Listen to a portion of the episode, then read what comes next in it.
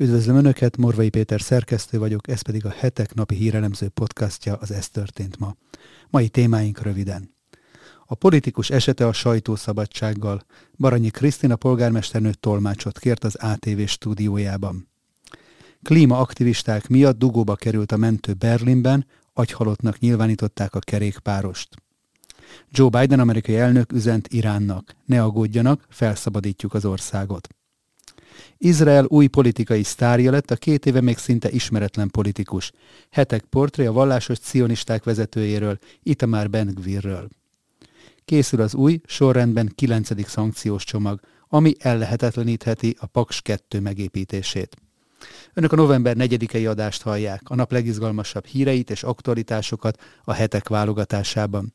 Mindenről részletesen is olvashatnak és hallgathatnak a hetek.hu oldalon, illetve YouTube csatornánkon. Az adásban elhangzó témákhoz a videó leírásában megtalálják a kapcsolódó linkeket is.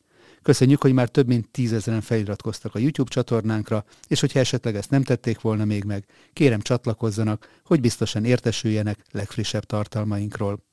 Nézzük akkor témáinkat részletesebben. A politikus esete a sajtószabadsággal Baranyi Krisztina tolmácsot kért az ATV stúdiójában.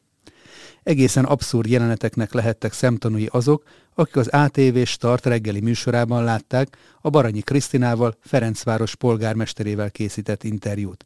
Eredetileg az elszállt rezsiköltségekről lett volna szó, az asztalra végül mégis a sajtó szabadsága és a propaganda média kérdése került. Baranyi Krisztina azt sérelmezte az ATV reggeli műsorában, hogy ott őt egy általa, idézem, ócska fizetett propagandistának minősített újságíró kérdezte Szalai Szilárd, a Pesti srácok munkatársának személyében. A Ferencvárosi polgármester sietve igyekezett emlékeztetni az ATV szerkesztőit arra, hogy ő bizony úgymond szent fogadalmat tett, hogy ilyen idézem, propagandistáknak ő semmiképpen nem nyilatkozik. Így kínos helyzet állt elő, ugyanis a Szigorlat című műsorrész lényeg éppen az, hogy egy vendég újságíró kérdez egy vendég megszólalót. A műsor aztán a következőképpen zajlott. Szalai Szilárd kérdezett, amire Baranyi nem volt hajlandó válaszolni, csak és kizárólag akkor, ha azt Kárász Robert vagy Krug Emilia tolmácsolásában megismételve meghallgathatta. Az egészen kínos és abszurd jelenet hemzsegett az önellentmondásoktól, és nem az ATV miatt. Hiába próbálja az úgymond nem propaganda telex azt súlykolni, hogy mindenkit kínos helyzetbe hozott az ATV. Az ATV szerkesztőségének ugyanis nem feladata nyilvántartani, hogy melyik polgármester éppen milyen fogadalmat tesz, és azt mikor szegi meg, mikor tartja be, éppen kit mennyire tart propagandistának, és mennyire nem. Ha Baranyinak fontos a fogadalma, akkor a meghíváskor jelzi, hogy csak az esetben tudja elfogadni, hogy a Szigorlat című műsorban rendszeresen részvevő újságírók közül nem X-et vagy Y-t hívják el be vele együtt a stúdióba.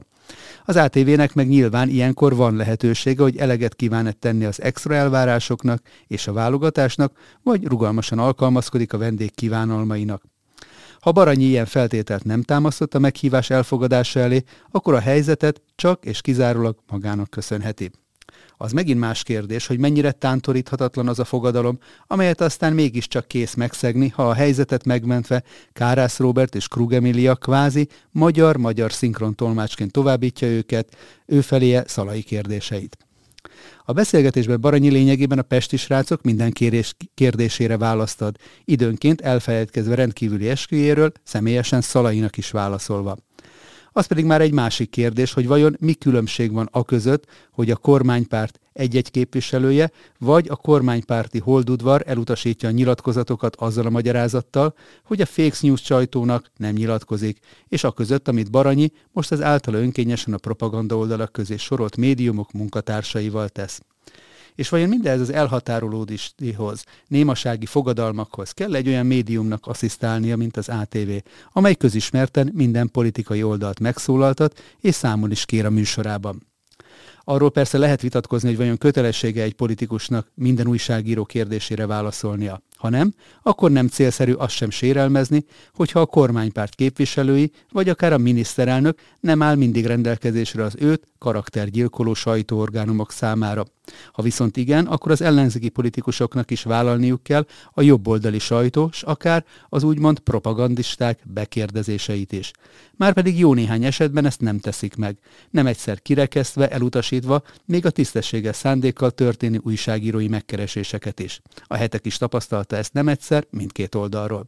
Talán szimpatikusabb volna az olvasók, választópolgárok számára az, hogyha a kulturált közbeszédet, transzparenciát, számonkérhetőséget és a sajtó szabadságát azzal mozdítanák elő a politikusok és közszereplők, ha a lehetőségeikhez mérten, józan kereteken belül minden oldal számára nyitottak lennének a megszólalásra. Sajnos nem csak a propagandisztikus újságírás vagy a beszűkültség, elfogultság és manipulatív hozzáállás rombolja a hiteles tájékozódás lehetőségét, hanem az is, amikor az olyan globális döntéshozók, mint az Európai Unió konkrét sajtóorgánumokat tiltanak be a régióban propaganda vágyával, hogy azokat véletlenül se tudják olvasni az emberek. Érdemes lenne nem belemászni George Orwell 1984-es világába, hanem inkább küzdeni a hiteles és szabad sajtóért, amíg még lehet. Éppen ezért fontos munka, amit az ATV vagy éppen a hetek végez napról napra. Klímaaktivisták miatt dugóba került a mentő Berlinben, agyhalottnak nyilvánították a kerékpárost. Egy 44 éves berlini nő tekinthető a szélsőséges klímaaktivisták első áldozatának. Múlt hétfőn bicikliével balesetet szenvedett, de a mentők nem tudták időben kórházba vinni, mert egy utcai klímablokkád miatt dugóba kerültek. A kórházban aztán agyhalottnak nyilvánították a 44 éves kerékpárost, aki egy közlekedési balesetben sérült meg Berlin-Wilhelmsdorf negyedében. A nőt egy betonkeverő jármű gázolta el, írja a Spiegel hivatkozva a Euronews. A rendőrség előbb azt közölte, hogy a nő meghalt, ezt utóbb korrigálták azzal, hogy még az intenzív osztályon kezelik.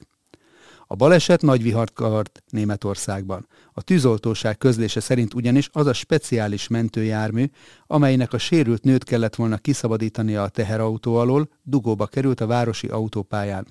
Ennek pedig az az oka, hogy az úgynevezett utolsó generáció szélsőséges klímavédelmi csoport demonstrációja megbénította az utakat.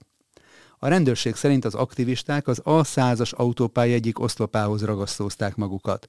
A speciális felszerelés késése miatt a baleset helyszínén rögtönözniük kellett, közölte a tűzoltóság. A rendőr szakszervezet élesen bírálta a klímaaktivisták blokkád akcióját.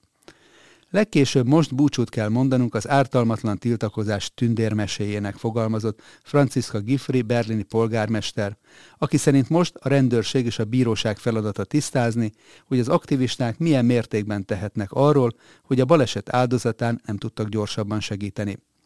A szélsőséges klímavédelem témájával a hetek legfrissebb számában is foglalkoztunk. Az erről szóló cikkeket a leírásban szereplő linkeken olvashatják. Izrael új politikai sztárja lett, a két éve még szinte ismeretlen politikus. Hetek portré a vallásos cionisták vezetőjéről, Itamár Ben Gvirről. Minél többen riogatnak vele, annál népszerűbb Izraelben Itamár Ben Gvir, a vallásos cionisták egyik vezetője, aki kompromisszummentes nemzeti és jobboldali programot sürget. Amikor Itamár Ben-Gvir 19 hónappal ezelőtt belépett a Hebron melletti Kirjat Arba település szavazóhelyiségébe, alig ismerte fel bárki is, miközben csendben végigvárta a sorát. Miután leadta a szavazatát, telefonra rögzített egy rövid nyilatkozatot, amit elküldött néhány újságnak, remélve, hogy a választási hírfolyamban néhány szóba ő is bekerülhet. Majd szerényen beült a családi autójába, és tovább hajtott kampányolni. Ekkor már túl volt három sikertelen próbálkozáson, hogy bejusson a Knessetbe, ahol végül úgy lett képviselő, hogy Benjamin Netanyahu kialkodott egy helyet pártja, az Ocma Jehudit, vagyis magyarul zsidó erő számára a vallásos cionisták listáján. 2020-ban nem úgy tűnt, hogy az erő Bengvirrel van. A parlamenti lét azonban váratlanul hálás terepnek bizonyult a zömök szemüveges újonc képviselő számára, akinek harsány felszólalásaiból rendszeresen bekerült néhány mondat a híradókba. Ennél is többet jelentett azonban, hogy Bengvir látványos utcai performanszai már nem egy marginális kis parlamenti tömörülés vezetőjéhez, hanem egy parlamenti képviselőhöz kötöttek. Így, amikor Bengvir megjelent a nacionalisták által nagy becsben tartott jeruzsálemi zászlós felvonuláson, vagy felsétált a templomhegyre, egyre többen kezdték felismerni, köszönteni és fényképezkedni vele. A közismertséget azonban politikai ellenfelei is segítettek meghozni számára. Itamar Ben-Gvir lett az izraeli politika mumusa, a quintessenciális szélsőjobboldali, a retteget kahanista, akinek a puszta léte úgymond fenyegetés jelent az izraeli demokrácia számára. Újságírók nyomoztak régi beszédei után, felkeresték hajdani ismerőseit, hogy megtudják, vajon milyen fénykép lógott évtizedekkel ezelőtt a szobája falán állítólag a hebroni tömeggyilkos Baruch Goldstein képe, aki 27 muszlimot ölt meg 1994-ben. Továbbá meggyanúsították azzal, hogy szerepet játszott Yitzhak Rabin miniszterelnök 27 évvel ezelőtti meggyilkolásában. Ez úgymond a bizonyíték, hogy előkerült egy fénykép, amelyen hetekkel a gyilkosság előtt felmutat egy autóemblémát, ami állítólag Rabin gépkocsijáról származott. Az izraeli sajtóból úgy tűnt, a gyerekeket leginkább Itamar Ben Gvirrel lehet ma ijeszgetni, hogyha rosszalkodnak, akkor eljön majd értük is. De minél félelmetesebbnek ábrázolták a politikust, annál több elkötelezett hívelet, különösen a cionista fiatalok között. Mindez egy cseppet sem zavarta Benjamin Netanyahu-t, aki 2022. novemberi választásokra is összekovácsolta a vallásos cionisták pártszövetségét, amelyben a húzó név már nem a korábban szintén szélső jobboldali rémképnek számító Bezezel Smotrich, hanem Bengvir volt, aki azonban megelégedett a lista második helyével. Ezzel nem csak a személyes bejutása vált biztossá, hanem az is, hogy pártjából jó néhányan szintén bekerülnek a Knessetbe. Innen kezdve a baloldali főáramú sajtó még magasabb fokozatba kapcsolt. A Times of Israel egyenesen már azzal sokkolta olvasóit, hogy Bengvir, idézem, olyan területekre lép, amelyre még európai szélsőjobbos politikusok sem merészkednek. Amerikai politikusok pedig megüzenték, hogy a két ország közötti kapcsolatok kerülnek veszélybe, ha Bengvir a kormány koalíció részévé válik. Ennyit a más országok belügyeibe való benemavatkozásról. De mit is képvisel az Ocma Jehudit, a zsidó erő? A párt programja egyetlen frappáns mondatban összegzi céljaikat. Nem akarjuk elveszíteni a zsidó államot, sem háború, sem béke, sem nyugati demokrácia által. Az egyes pontokban pedig részletesen kifejtik, mit is szeretnének megőrizni. Többek közt ilyeneket. Az állam zsidó jellegének megőrzése érdekében fellépünk a beszivárgás felszámolásáért mind a földtolvajok, mind azokkal szemben, akik az állampolgárság megszerzését úgymond családegyesítés révén akarják elérni. Ez tehát nem a hírhet telepítsünk ki minden arabot rasszista programja, amivel Bengviréket vádolják. A párt képviseli továbbá azt az elvet, hogy Izrael földjén mindenütt érvényesülnie kell a nemzeti szuverenitásnak, beleértve a templomhegyen is, azon a helyen, idézem a programot, amelyet Dávid király vásárolt meg, ahol Salamon király az első templomot, majd a Babilonból való visszatérők a második templomot felépítették. 2000 éve a világ minden részén élő zsidó nép ennek újjáépítésére vágyakozik. A program tehát nem hirdeti meg a harmadik templom felépítését, viszont nem is zárja ki azt, és követeli a vallásszabadság érvényesülését a jeruzsálemi zsidó szent helyeken is.